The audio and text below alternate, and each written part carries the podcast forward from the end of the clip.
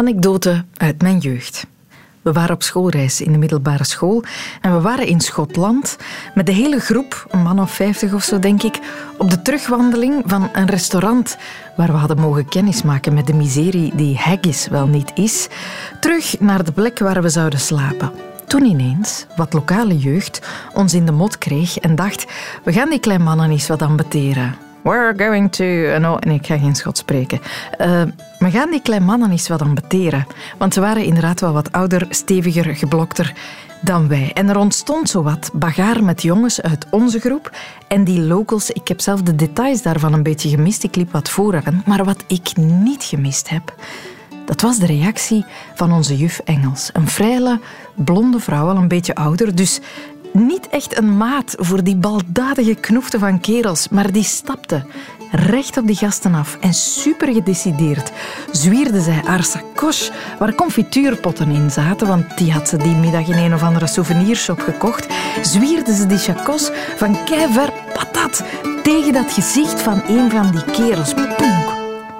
Het was ineens muisstil. Iedereen was mega onder de indruk van die onverwachte move van de juf. En al zeker, die gasten, die konden niet anders dan gewoon perplex afdruipen zonder woorden. Het was een zeer speciaal momentje en misschien niet zeer pedagogisch verantwoord, denk ik nu, als ik het zo vertel. Maar goed, ze had wel met één welgemikte toek op zijn bakkes haar troepen in veiligheid gebracht en de dreiging op zeer korte tijd uit de lucht geflikkerd. Dat is een van de redenen waarom iemand plots een gevecht kan aangaan om een ander te verdedigen. Maar wat doet ons nog met elkaar op de vuist gaan? Daar wil ik het over hebben. Welkom in de wereld van Sophie.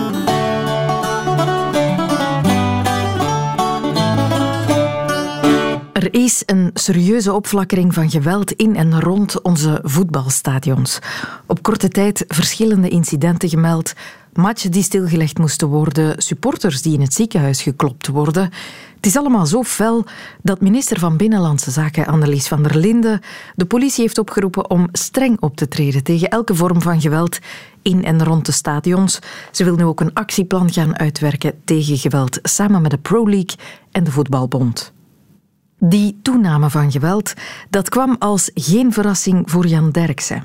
Hij is emeritus hoogleraar klinische psychologie aan de Radboud Universiteit Nijmegen en de VUB in Brussel en gespecialiseerd in massapsychologie. Jazeker. En ik heb het ook voorspeld dat het post-corona absoluut sterker zou worden, omdat natuurlijk anderhalf jaar mensen zich eh, meer dan gemiddeld gefrustreerd hebben gevoeld. Frustratie leidt tot agressie. Als agressie naar binnen gericht wordt, krijgen mensen klachten, bijvoorbeeld somberheid en lichamelijke klachten. Als agressie naar buiten komt, dan zien we zo ongeveer wat we nu meemaken. Corona is de aanleiding die ons vandaag doet vechten. Maar het is niet de hele uitleg. De verklaring is heel eenvoudig. Wij zijn menselijke zoogdieren. Wij, hebben een dierlijke natuur die ingepakt is door onze cultuur in de loop van de opvoeding. Maar dat laagje zeg maar, beschaving is natuurlijk vrij uh, dun. En als mensen dan langerdurig gefrustreerd zijn en als ze niet zo goed tegen frustratie kunnen, hè, de, de laatste generaties zijn met heel weinig frustratie opgegroeid in de westerse samenlevingen, omdat er weinig tegenslagen zijn geweest, er zijn geen oorlogen geweest. En dan uh, is elke frustratie vaak te veel. Mensen kunnen uh, wel iets erbij krijgen, maar als ze iets moeten inleveren, als iets niet meer doorgaat, zoals in de coronatijd, komt dat extra gevoelig aan. Mhm. En wij zijn natuurlijk een soort, een menselijke soort, die uh, het hele bestaan agressie met zich mee hebben gesleept. de, er zijn meer tijden met oorlog dan met vrede geweest in de geschiedenis van onze soort. Dus wij moeten niet zo opkijken hiervan. Hè. En we kunnen dus ook niet zeggen van ja, dat moet stoppen. Ja, wat een onzin. Natuurlijk stopt dat niet. Uh Dus agressie zit net als liefde in ons en dat stuurt ons gedrag. En in het productieve geval zorgt agressie voor assertiviteit en concurrentie en zelfstandigheid, et cetera. Maar dus als het te veel wordt, ja, dan loopt het over. En de voetbalstadia zijn natuurlijk het toneel van uh, competitie. En dat drijft bij mensen op agressie, ook bij degenen die daar naartoe gaan. Dus die gaan hun agressie dan helemaal voelen. Genieten daar ook van. Hè? Mhm. Denk aan de vroegere kruistochten. nou, het was een feest als je op kruistocht ging. Als je ging knokken en oorlog ging voeren. En dat is natuurlijk nog steeds zo. Het laagje beschaving is misschien de laatste eeuwen ietsjes dikker geworden. Maar je ziet dan in omstandigheden, zoals in een voetbalstadion tegen de achtergrond van de frustraties in corona, dan neemt dat snel af in het gedrag. En dan breekt dat door. Dus we moeten dat reguleren. We kunnen dat niet alleen maar onderdrukken. Als je het onderdrukt, komt het terug in verkeer, in criminaliteit, in huiselijk geweld, etc. Wat nodig is, zijn creatieve oplossingen van beleidsmakers en politici en mensen uit, uit de voetbalclubs om vorm te geven aan, de, aan die overdosisagressie die er bij veel mensen op dit moment uh, aanwezig is. Mhm. Over dat reguleren wil ik het dadelijk hebben. Wat ik me wel nog afvraag is waarom het specifiek in de voetbalstadions of naast de voetbalstadions lijkt te gebeuren. Uh, tennis, daar is ook competitie in, maar daar wordt weinig gevochten in en rond de stadions. Ja, degene die tennissen, dat is toch weer een iets ander publiek. Als je op de golfbaan kijkt, zeg maar, dat zijn ook weer wat andere mensen. Voetbal is zeg maar, voor een hele grote groep die zeg maar, gemakkelijker vanuit hun buikgevoelens leven. En bij voetbal is het ook een, het ene team zeg maar, tegen het andere team. Er wordt heel veel publiciteit aan gegeven. Dus dat eh, mensen zijn er heel erg bij betrokken, genieten daar ook helemaal van, leven daar helemaal in mee en leven zich daar helemaal in uit. En die hebben de kans om aan de hand van zo'n competitieve sport hun eigen agressie te voelen en uit te leven. En dat uh, helpt ze ook aan stressreductie. Hè. Dus we leven natuurlijk wel in een samenleving die de laatste 40 jaar, wat betreft stress, enorm is toegenomen. En dan zie je dat mensen ook de behoefte hebben om, om die stress kwijt te raken. En dat gaat heel vaak via de vorm van uh, boosheid, concurrentie, competitie. Mhm. en, en dat op die manier op zondag en in het weekend kwijtraken. Ja. En wat, uh, en wat is er dan makkelijker dan een voetbalwedstrijd? Want die roept dat op en dan kun je met je team mee uh, op die golf meevaren. Mm U zegt dus uh, niet onderdrukken die frustratie die er zal zijn. We moeten op zoek naar creatieve regulering. Wat kan dat dan bijvoorbeeld zijn? Nou kijk, uh, kijk, onderdrukken werkt niet, dat weten we al heel lang. Hè? En straffen helpt ook niet voor echte zeg maar, gedragsverandering.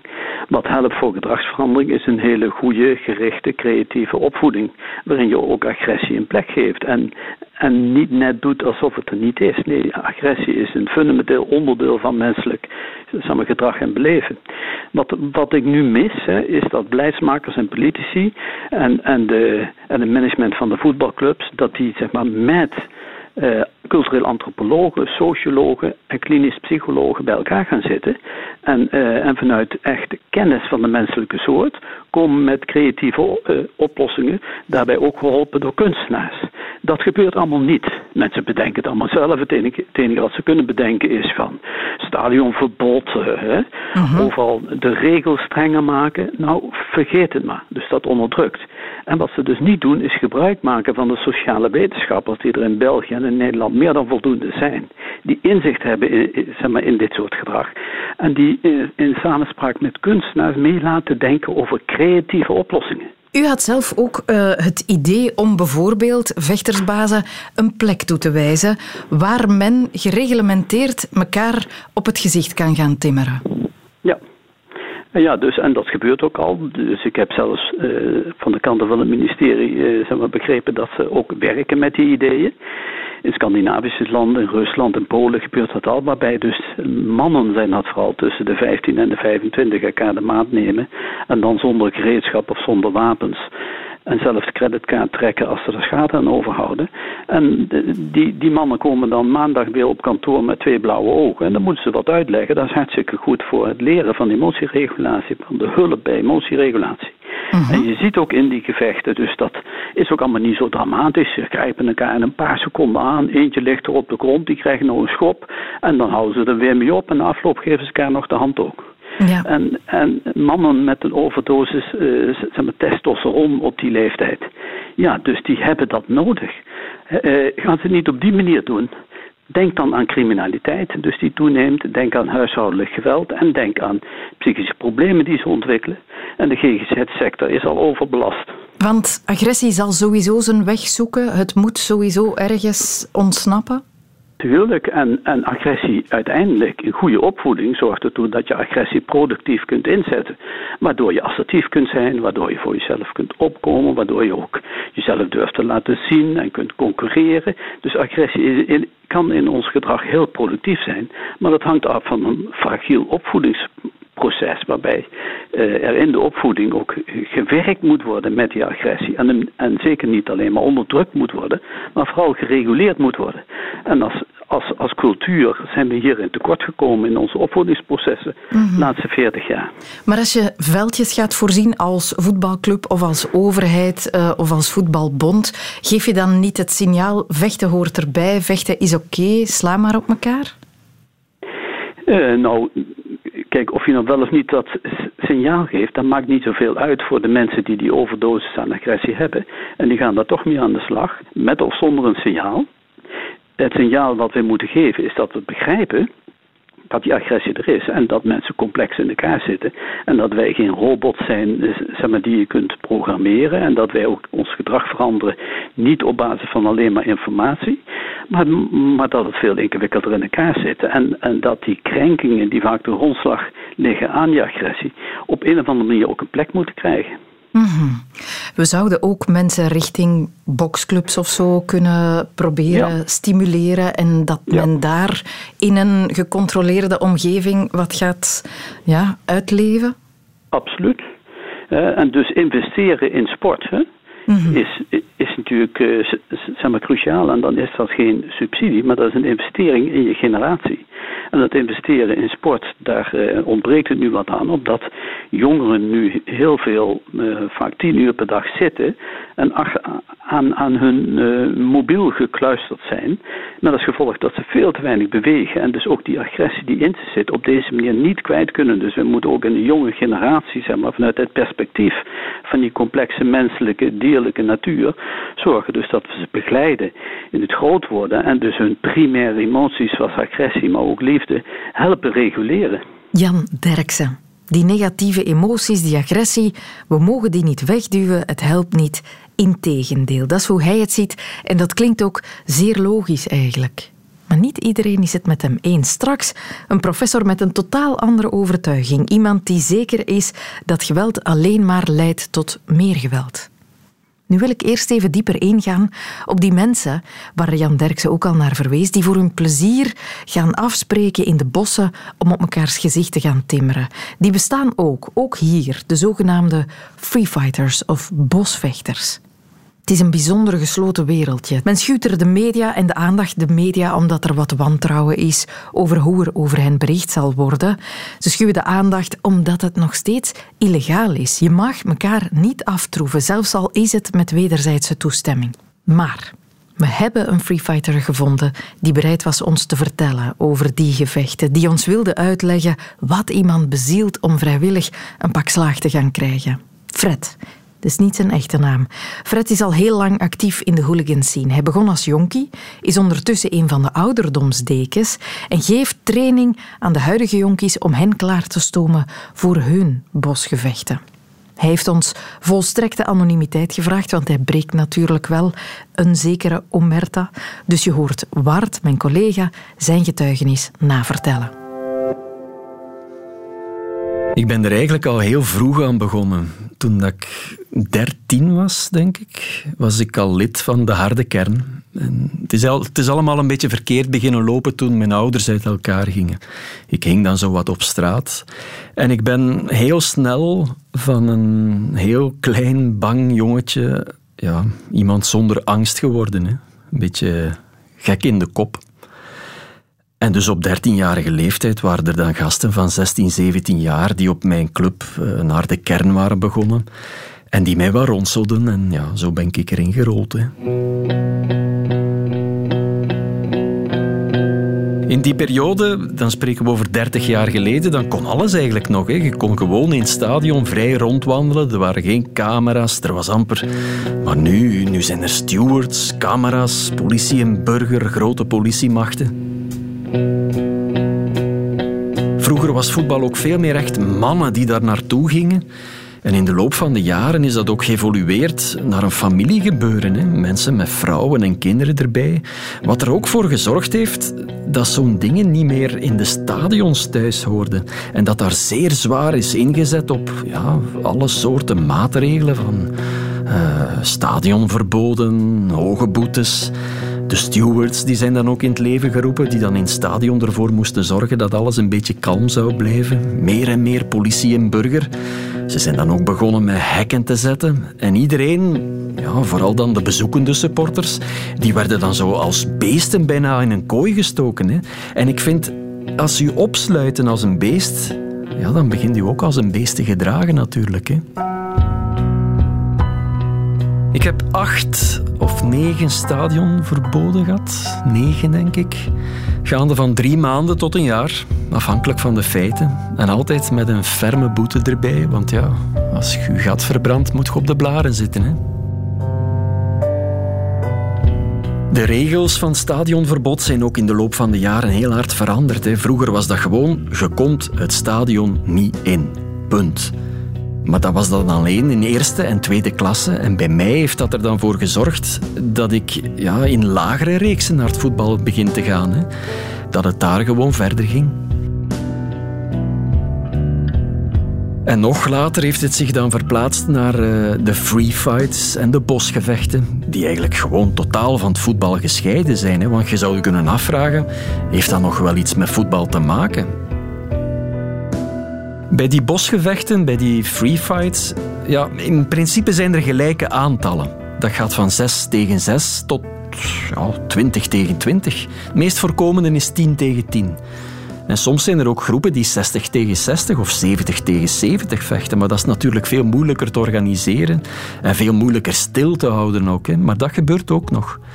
En de voornaamste regels zijn zeker geen wapens. Absoluut geen wapens. Geen stokken, geen messen, geen boksbeugels, geen niks. Absoluut niks. En dan de belangrijkste regel, dat is wanneer iemand op de grond valt en die roept stop, of je ziet dat hij echt knock-out is, ja, dan wordt die persoon ook onmiddellijk gerustgelaten. Dus daar wordt niet meer verder op geslagen of op gestampt. Die persoon die mag dan ook niet meer terug recht staan. Hè. Vanaf dat hij stop geroepen heeft, die mag dan niet meer verder deelnemen aan het gevecht. Om zo dan uiteindelijk een winnaar te bepalen van het gevecht. Bij die bosgevechten hebben we gebroken neuzen, gebroken vingers, kapotte ribben uh, enzovoort. Maar ik heb zelf nog nooit extreem zware gewonden meegemaakt. Hè. En ook niet van horen zeggen van oei, er is er daar een in het ziekenhuis geklopt. Wat toch aangeeft dat de regels redelijk goed worden nageleefd. Ja, het is wetenschappelijk bewezen. Hè. Geweld, als je jezelf daaraan overgeeft, dat is het meest intense gevoel dat je kunt beleven.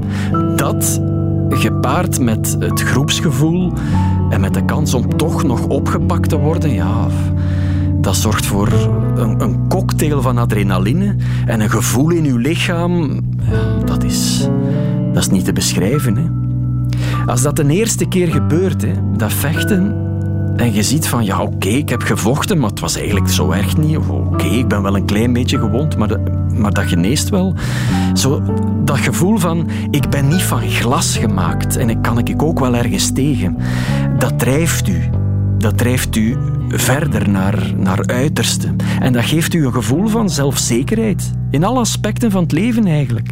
En mensen zien dat ook aan u. Dat zijn dingen die je uitstraalt.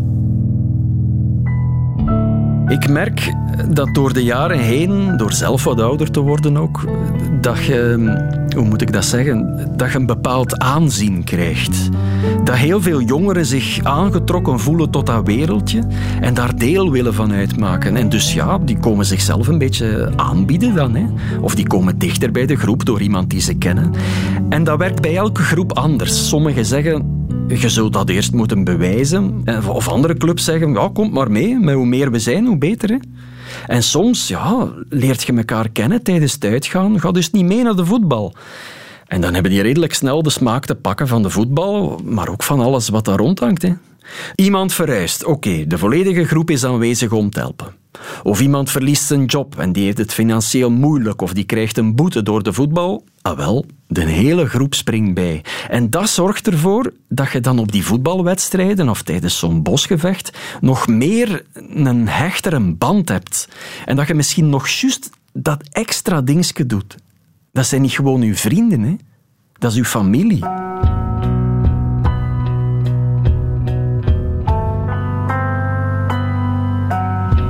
En wat later zijn dan die trainingen gekomen. Hè.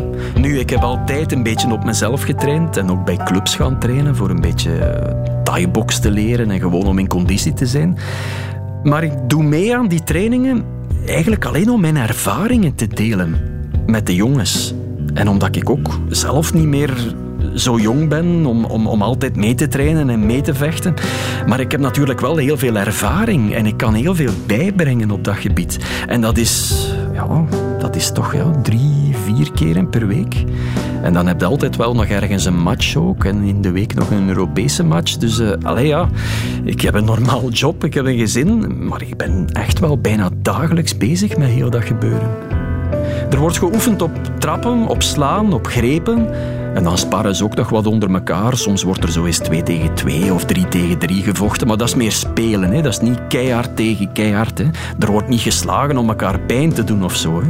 Er wordt zelfs ook een, juiste uitrusting meegegeven. Hè. Scheenbescherming, eventueel een helm, handschoenen. Dus ja, dat het echt wel voor te trainen is en niet om elkaar pijn te doen. Kijk, als er twintig volwassen mensen beslissen om te zeggen wij gaan tien tegen tien vechten ergens op een afgelegen plaats, waar dan niemand er last van heeft, waar geen onschuldige slachtoffers vallen, waar er regels zijn, waar er niet wordt gevochten op leven en dood. Ja, bij een boksmatch worden er medailles uitgedeeld. Er zijn Olympische sporten gelijk boksen en judo en je hebt die, die kooigevechten, daar kijken miljoenen mensen naar. Ze betalen ervoor om ernaar te mogen kijken. Ze juichen ervoor. Maar daar zitten dan ook blijkbaar mensen tussen die daar naar kijken met veel plezier en die daarvoor betalen en die dan toch zeggen amai, dat krapul daar in de bossen, die gaan gaan vechten. Maar wat is het verschil? Oké, daar is een scheidsrechter en daar is geld mee gemoeid en bij ons niet. Bij ons gaat het puur om het gevoel. Dus ja, waarom zouden nu tien volwassen... Waarom zouden die nu niet mogen vechten? Als je er niemand anders lastig mee valt. Ik zou dat heel fijn vinden, moesten er mensen de stap zetten om dat inderdaad legaal te maken. Om te zorgen dat die mensen die daarin geïnteresseerd zijn, dat die dat zonder schrik kunnen doen. Zonder schrik om in de gevangenis te belanden. Die bosgevechten die zijn ook totaal tegenovergestelde van wat er in de stadions gebeurt. Hè. Als jij aan een stadion met vrouwen en kinderen en andere mensen die daar gewoon puur voor de voetbal zijn of, of om zich te amuseren en je maakt daar een mok of, of geslaat daar zoals die in Brugge van die daar onlangs de man van Manchester City bijna doodgeslagen heeft. Ja, oké. Daar moet tegen opgetreden worden. En daar moet gestraft worden. En daar zal ook gestraft worden. Maar om mensen in de gevangenis te gaan steken, omdat ze ergens in een bos hun frustraties even op elkaar uitwerken en daarna netjes aan elkaar een hand geven en zeggen van wauw, respect, was tof, bedankt en tot ziens. Ja, oké, uh, dat snap ik niet. Fred vecht voor zijn plezier. Meer nog, het is een lang leven. En hij vindt ook dat het moet kunnen. Net zoals Jan Derksen vindt dat zoiets moet kunnen. Maar niet iedereen deelt die mening. Professor Rudy Doge, professor biologische psychologie aan de KU Leuven bijvoorbeeld. Had het met hem over die andere gevechten, de niet geplande gevechten, die plots kunnen ontstaan op café, tussen liefdesrivalen of schoonbroers of op schoolreizen. Weet je wel, de juf die plots patat de sakos boven haalt. Dat is bijna reflexmatig reageren, instinctief. Ja en nee, zei hij. Wel, reflexen zou ik niet noemen. Het is natuurlijk een zeer snelle reactie en het is een weinig genuanceerde reactie. Het is een reactie die heel diep zit, wellicht, in ons, eh, in ons psychologisch functioneren, omdat het natuurlijk in sommige gevallen heel snel een oplossing kan bieden. Mhm. Ik zeg niks over de kwaliteit van die oplossing, want het is vaak een toxische oplossing natuurlijk. We weten allemaal dat agressie in onze samenleving, in gezinnen, noem maar op, in interpersoonlijk contact, dat het een, een toxisch fenomeen is. Mhm. Het gaat de, de, relaties verstoren, het gaat schade aanbrengen, het gaat ook schade aanbrengen op groter niveau hè, tussen maatschappijen tot oorlogen leiden en noem maar op. Sowieso, in elke situatie is geweld een slechte oplossing. Ja, dat zou ik wel zeggen. Hè? Mhm. Hoe waarom doen we het dan? Als het een slechte oplossing is, als het niet per se een reflexmatig iets is, waarom Waarom doen we, het dan wel voor? ook? Eh, dan moet ik eigenlijk toch benadrukken hè, het, het feit dat het een complex gedrag is. Hè. Uh, het komt meestal voor op momenten dat we geen andere optie zien of hebben aangeleerd gekregen. Dus in, in, in een geval van, van hoge paniek, bijvoorbeeld dat, eh, dat voorval, uw kind is in gevaar door iemand die het agressief gaat aanvallen. Ja, op dat moment, uh, ten eerste hebt u een enorme emotionele reactie en veel opties hebt, kan u op dat moment misschien niet bedenken. Misschien is het, het slagen toedienen op dat moment aan die belager niet de beste oplossing. Dat kan best zo zijn. Dat kan zelfs de situatie laten escaleren en uw kind in groter gevaar brengen. Mm -hmm. Maar we hebben gewoon op dat moment uh, geen andere opties. We kunnen het niet voldoende overdenken. We hebben geen tijd genoeg. En op dat moment is natuurlijk, vallen we terug op meer primitieve reacties. Reacties die, die dieper in ons zitten en die weinig genuanceerd zijn. Dat illustreert natuurlijk ook dat onze agressieve respons door allerlei factoren wordt uh, gemoduleerd, hè, beïnvloed. En vooral ook dat er een heel belangrijke factor is van aanleren. We zien in verschillende sociale contexten, maatschappijen, noem maar op, gezinnen zelfs, dat ze verschillende maten is tegenover, of waarop we eigenlijk tolerant zijn tegenover agressie. Mhm. En dat is toch een heel belangrijke factor. In welke mate gaan we dat sociaal bekrachtigen? Ah, ja? Wanneer we zien in die heel gewelddadige kringen, hè, die ervoor verkiezen om ergens in een bos op elkaar te gaan mhm. inbeuken. Uh, wel, dat zijn natuurlijk uh, sociale omgevingen waar er heel tolerant wordt omgesprongen uh, naar agressie. Meer zelfs, hè, waar agressie eigenlijk statusverhogend kan zijn. Hè, mm -hmm. En waar het bepaalt of u wel of niet tot die groep behoort. Wel, dat is toch een overduidelijke illustratie dat agressie gemanipuleerd wordt en gemoduleerd wordt vanuit de sociale beloning die daaruit komt. Ah ja, het is, het is iets wat we onszelf uh, aanleren, wijsmaken dat het nodig is. Ja, voor een stuk. En waar op allerlei subtiele manieren onze omgeving ook hè, dat, uh, dat doet. Ja, we zien het verschil tussen jongens en meisjes, maar hè, daar zitten hormonale effecten bij, er zitten genetische effecten bij. Maar we weten ook hè, dat het, het tentoonspreiden van agressief gedrag toch voor het grootste deel bepaald wordt door allerlei soorten van eh, omgevingscontext. Wel, u weet ook dat eh, al voor de geboorte eh, we anders gaan denken over jongens en meisjes. Mm Dat agressie bij jongens en meisjes heel anders maatschappelijk geïnterpreteerd wordt. Bij jongens vinden we dat normaal. We sturen ze naar gevechtsporten enzovoort. Meisjes doen we dat minder. We vinden dat dat er niet bij hoort bij meisjes. Wel, dat is natuurlijk ook weer een, een combinatie die, hè, wanneer testosteron bij jongens ze wat meer ontvankelijk maakt voor agressie, eh, en dan daarboven nog eens een sociale omgeving die dat bekrachtigt, wel, dat is natuurlijk een uh, ideale cocktail voor uh, de promotie van agressief gedrag. Ja, als je geweld toestaat, zal er geweld zijn. Is dat het ja, idee? Uh, er is een overweldigende hoeveelheid van wetenschappelijk onderzoek die die permissiviteit en overstaan van agressie op allerlei soorten van manieren. Hè. Uh, dus uh, kinderen laten kijken naar agressieve filmpjes, agressieve spelletjes laten spelen op, op computer en zelfs naar de, de lessen van, van gevechtsporten sturen. Daar hebben we toch overweldigend bewijs dat dat eerder omgekeerd werkt, averechts.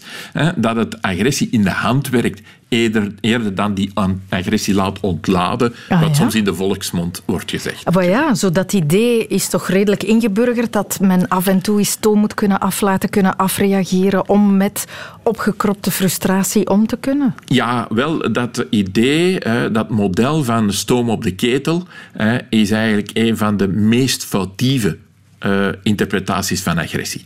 Het is ten eerste, waarom is het foutief? Ten eerste is het een zeer eenvoudige visie op agressie. Het zou ervan uitgaan dat we allemaal zo wat uh, agressieve energie in ons accumuleren en dat er dan vroeg of laat moet dat eruit gaan en dan is het beter in de boxklas dan op straat.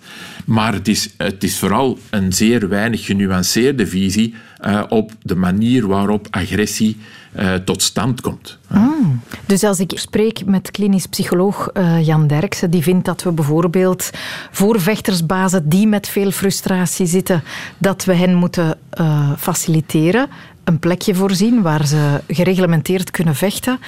U bent daar niet mee eens? Ik ben het er grondig mee oneens eigenlijk. Maar ik ben het wel eens met de collega natuurlijk dat we negatieve emoties een plaats moeten geven. En dat ja, frustratie is er toch, hè? Zeker en vast. Hè. En alleen maar onderdrukken uh, is ook geen oplossing natuurlijk. Hè. Maar de oplossing is veel complexer dan zeggen van ja, ga dan maar ergens op een veldje slaan, staan en, en sla op elkaar in. Hè. We weten dat dat niet helpt. Integendeel, hè, ik moet het nogmaals benadrukken, dat bevordert agressie. Mhm. Wat is dan de oplossing? Want als we het onszelf hebben toegestaan, het geweld, dan zouden we ook moeten in staat zijn om dat geweld terug te trekken uit de samenleving? Ja, uh, wel, uh, het is natuurlijk uh, complex, hè, zoals ik al zei. Mm -hmm. maar als psychologen, als wetenschapspsychologen, gaan we er meestal vanuit dat geweld niet onvermijdelijk is. Dat wil niet zeggen dat we misschien nooit vanaf geraken, omdat het zo complex is, omdat het zo ingeburgerd zit in onze maatschappij. Hè, omdat we vinden dat jongens al eens agressief moeten zijn hè, en meisjes liever niet, hè, enzovoort. Dus het zit diep en het is complex. Dus dat maakt misschien dat het misschien een zo moeilijk probleem is dat we nooit vanaf kunnen geraken. Maar het kan wel. Hè. We zien ook dat er verschil is tussen verschillende maatschappijen, de manier waarop ze agressie aanpakken. En dat degenen die zeggen van ja, leef het maar een keer uit, dat die, dat, dat degenen zijn die het slechtste doen. Hè. Dus uh, er, als we verschillen zien in maatschappijen en degenen die agressie het beste niet mhm. volledig uitgeroeid hebben, maar het beste onder controle hebben, dat zijn degenen die ook het complexe probleem aanpakken, bijvoorbeeld van sociale ongelijkheid, bijvoorbeeld van verschillende strategieën, want we zien ook dat mensen met een lagere verbale intelligentie bijvoorbeeld, dat die een hogere neiging hebben tot agressie. Dat wil zeggen conflicten oplossen op een agressieve manier komt vaker voor als je gewoon minder tools hebt, als je minder, minder gereedschap hebt om die conflicten op een andere manier, hè, meer constructieve en intelligente manier op te lossen. dus uh, dat wil zeggen, uh, werken aan een mentaliteitsverandering is het moeilijkste dat je kan voorstellen, mhm. maar het is wel wat er gebeurd is. Hè. We hebben inderdaad een andere visie gezien op agressie en we hebben gezien dat in sommige kringen agressieve conflicten zijn afgenomen hè, over de geschiedenis van de mens. Het is nog altijd een groot probleem, maar we zien dat het eigenlijk uh, aan het afnemen is hè, en eigenlijk in zekere zin in goede richting gaat. Of er helemaal vanaf raken, is een ander probleem natuurlijk. Ja. Dus er kan ingezet worden op het indijken van geweld. Ja, zeker. En het is wenselijk ook, als ik u hoor. Absoluut. Ja, we mogen het niet faciliteren. Dus dat soort gevechten, bijvoorbeeld in de bosjes, dat is goed voor u dat dat illegaal is. Ah ja, ja, ja. Dus uh, zoals uh, Amerikaanse collega's zeggen, aggression begets aggression. Hè? Agressie lokt agressie uit. Een duidelijke tegenstander van eender welke vorm van geweld, professor Rudy Dogen. Die opmerkt dat een geheel geweldloze maatschappij misschien wel zeer moeilijk te realiseren valt, maar die wel constateert dat het geweld alsmaar afneemt. Dat hoorden we ook bij cafébaas Dylan Moorthamer. Hij is cafébaas van In de Stad Aalst, een bekend Antwerps café. En hij is als het ware opgegroeid aan een toog. Zijn grootmoeder baatte de koetsier uit. Dat is nog zo'n bekend café aan het Antwerpse station. En als kind zag hij geregeld mensen met elkaar op de vuist gaan. Maar hij ziet het steeds minder gebeuren. En na al die jaren weet hij ook als geen ander hoe geweld in de kiem te smoren. Hij lijkt er wel een soort zesde zintuig voor te hebben.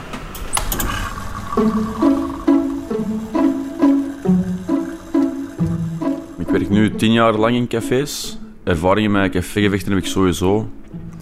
Ik moet wel zeggen dat het, dat minder is geworden met de jaren. Maar dat is ook omdat ik het beter aanvoel um, dan, dan vroeger. Maar je heel veel volk zijn, je merkt heel rap een verandering in sfeer. Uh, dat kan ook heel bewust zijn dat je dat ja, gewoon ja, een, een kleine klik aanvoelt. Ik heb het gevoel dat ik, dat ik geweld ergens wel kan aanvoelen. Ik heb al gemerkt met, um, als wij grote feesten hebben. Uh, voor mijn, met mijn verjaardag. Uh, de laatste keer ik mijn verjaardag gevierd hier. was hier heel, heel, heel druk. En mijn stond, was ook vol en, en het was binnen vol. En ik heb niet per se echt iets gehoord, want de muziek stond keihard uit. Um, keihard volk, was constant bezig. En toch had ik zo ja, in het achterhoofd zo, er is rechts van achter zo... Het klopte iets niet. Uh, ik, had, ik, had een, ik had een gevoel dat er, iets, dat er iets niet juist zat. Wat heel vreemd klinkt, maar is echt gewoon zo. Nu ben dan naar buiten gegaan, uh, naar rechts. En ja, mensen, mensen hadden, hadden een woordenwisseling. Ik kon het echt niet horen, want de muziek stond echt vrij laat. Dus dat is heel moeilijk, dat is heel moeilijk om uit te leggen, maar dat is, dat is een, ja, een verandering van sfeer dat je voelt. En ik heb dat vrij snel mensen zeggen ook tegen mij van Dylan, ik snap niet dat jij, jij hoort en ziet precies alles. En ja, al goed. Want ik heb heel veel dingen kunnen vermijden.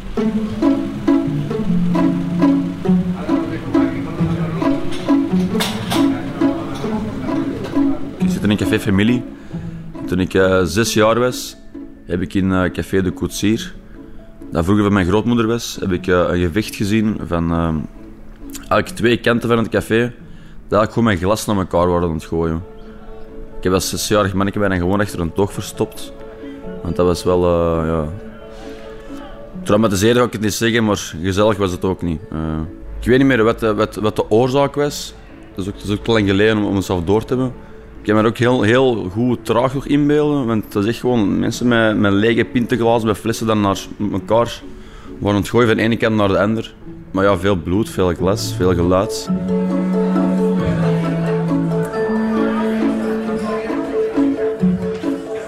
Die hebben natuurlijk andere tijden meegemaakt. Hè. Die hebben natuurlijk cafégevechten meegemaakt in de jaren 80, jaren 90, waar mensen um, het geld niet op kon, waar de cafés ook 24 op 24 open uh, waren. Zeker de koetsier. En als je nu zegt van Sataal had vroeger nog slechte naam op vlak van agressie, ja, dan valt er nog heel goed mee. Want de koetsier was echt... Mensen wisten dat, dat kwam echt alles.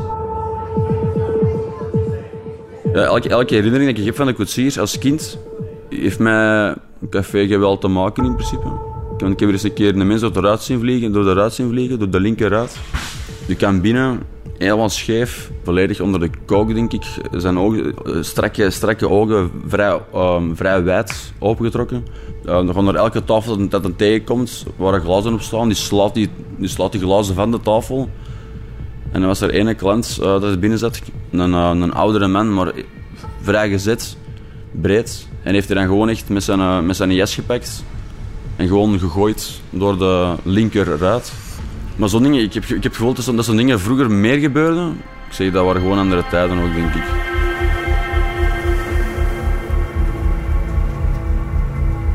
een van mijn nog zwaardere gevechten dat ik heb voorgehad was toen ik in Blankenbergen werkte. Dat heb ik één keer gehad dat er een, uh, een veet was tussen klanten.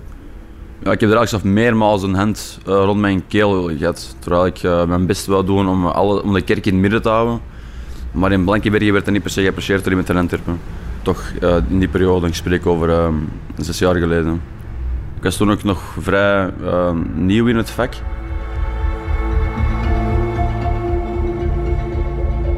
Blankenbergen was ik 21 en ik had nog niet zo heel veel ervaring met agressie in café. En van de paar keer dat ik, dat ik het al voor had, kon ik er ook niet zo heel goed mee omgaan, omdat ik nog vrij teruggetrokken was, in mijn, ook in mijn job. Maar Blankenbergen, ik heb daar één jaar gewerkt. Ik heb, daar ook, ik heb er ook heel veel gewerkt.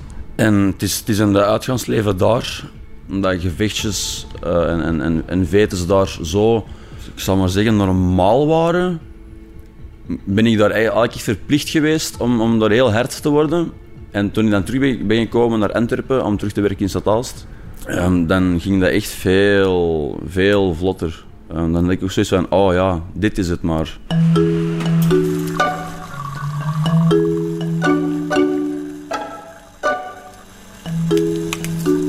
ik weet dat Stadaalst, ik weet dat van meerdere mensen. Ik weet ook als ik naar instanties ga, naar een dokter en zeg wat ik doe van werk, of als ik naar een grote groep ga en die vragen van wat doe jij van job? En ik zeg van ja, Stataalst, is alles van oeh, ah, ah, Stataalst. Gevaarlijk, want Stataalst heeft heel lang een, naam van café met um, ja, geweld. Dat is heel hard afgenomen. Maar ik heb, er ook, ja, ik heb er zelf ook echt mijn best voor moeten doen, want ik heb er veel buiten gekieperd. De sfeer is voor mij het belangrijkste. Ik doe dit niet om rijk te worden. Um, maar sommige dingen zijn natuurlijk um, onvermijdbaar. Je zal, altijd, je altijd wel mensen hebben die elkaar niet kunnen hebben of zo. Maar ik wil zeggen dat ook na de coronaperiode dat de mensen iets meer vrede, hebben, vrede hebben met elkaar. Dus dat is wel gemakkelijker.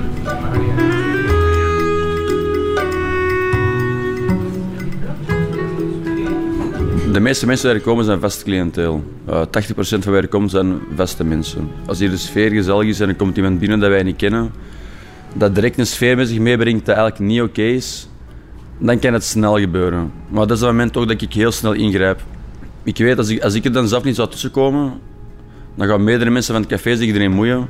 En als dat dan escaleert, dan escaleert dat serieus. Maar als ik als één persoon mij erin kan moeien en iemand apart kan nemen en kan zeggen van kijk man, um, dit is gewoon niet goed komen, ik zou liever dat je doorgaat, want je zit de sfeer te verpesten. En, je kunt dat op een, ingetogen, respectvolle manier doen. Daar is er ver mee. En dan, dus ik heb wel uh, veel dingen kunnen vermijden hier. Ik heb er eens een keer voor gehad dat ik een woordenwisseling had met een klant van hier, dat op het kastje was aan het spelen. Ik had toen uh, niet veel 33 centiliter Stella glazen. En hij had uh, op de gokkast gezet. En ik zeg van op voorhand, kijk man, zet dat niet op de gokkast, want als dat glas breekt, ga ik het krijgen, want ik heb er nog maar, zeg maar niet, vijf. Oké, okay, luistert niet, uh, goede stukjes aan kloten. Uh, hij verliest geld, hij slaagt op die kas, terwijl zijn pint er nog op stond. Ja, pint valt, ik vlieg uit mijn crème, want ik, heb hem, ik, had hem, ik had hem al twee keer gezegd van... Man, zet dat niet op die gokkast, want vind ze dat kapot. En die mensen komen naar mij, neus tegen neus. Twee keer groter als mij, een pak breder als mij. Op die moment was ik eigenlijk echt... Uh, echt zwaar aan het Ik had echt... Uh, ik had bang dat ik, dat ik echt een serieuze slag in mijn gezicht ging krijgen. En als hij mij echt met de vuist had geslagen, had ik echt 100% knock-out op de grond gelegen. Ik heb gedaan alsof dat niet, niet het geval was. En dan is die mens heel kwaad vertrokken. Het is daar ook gewoon bij gestopt. Maar dat is, dat is de kunst. Inderdaad, op dat vlak moet je soms toneel kunnen spelen. Geen schrik tonen. Op het moment dat je echt schrik hebt, daar kun je ook veel mee doen voor uh, conflicten te vermijden. Dag jullie, Alles goed jongen? Goed geslapen? Heel veel klanten van hier ook kwamen ook al in de koetsier. Uh, Schuppenkenij. Schuppenkenij, gelijk anders. Hè. Heel veel mensen kennen mij van, denk ik, ja. Um, ja, zelf ben geboren geweest. Um, ze hebben mij ook, ook zien evolueren. Van klein gastje van eh, de zoon of de kleinzoon van. Naar zo de teruggetrokken jongen dat hier werkte met een hoed aan. Naar dan nu al even cafébaas. Dat is de beste cafébaas in heel deze omstreken. En uh, alleen van Groot-Antwerpen. Een hele sympathiek, hij kan met veel mensen om. Hij kan lachen Zwans, hij kan over van alles meeklappen en zo. Dus, het, is eigenlijk, het is ook een liefdevolle job eigenlijk. Je krijgt er eigenlijk heel veel liefde eigenlijk. Uh, en um, veel eerlijkheid. Mensen, mensen zijn echt heel eerlijk. Heel, heel in je face. Wat aangenaam is. Maar natuurlijk, ja, in je face gebeuren, dat is ook het feit. Dat is ook de reden waarom je soms uh, zeven hebt. Zelfzeker zijn, snel ingrijpen, respectvol en het liefst zonder al te veel pottenkijkers. Dat zijn toch een paar zeer nuttige trucken om te noteren van de cafébaas voor bij uw volgende opstootje. Ik zal ze ook meteen per mail bezorgen aan de juf Engels.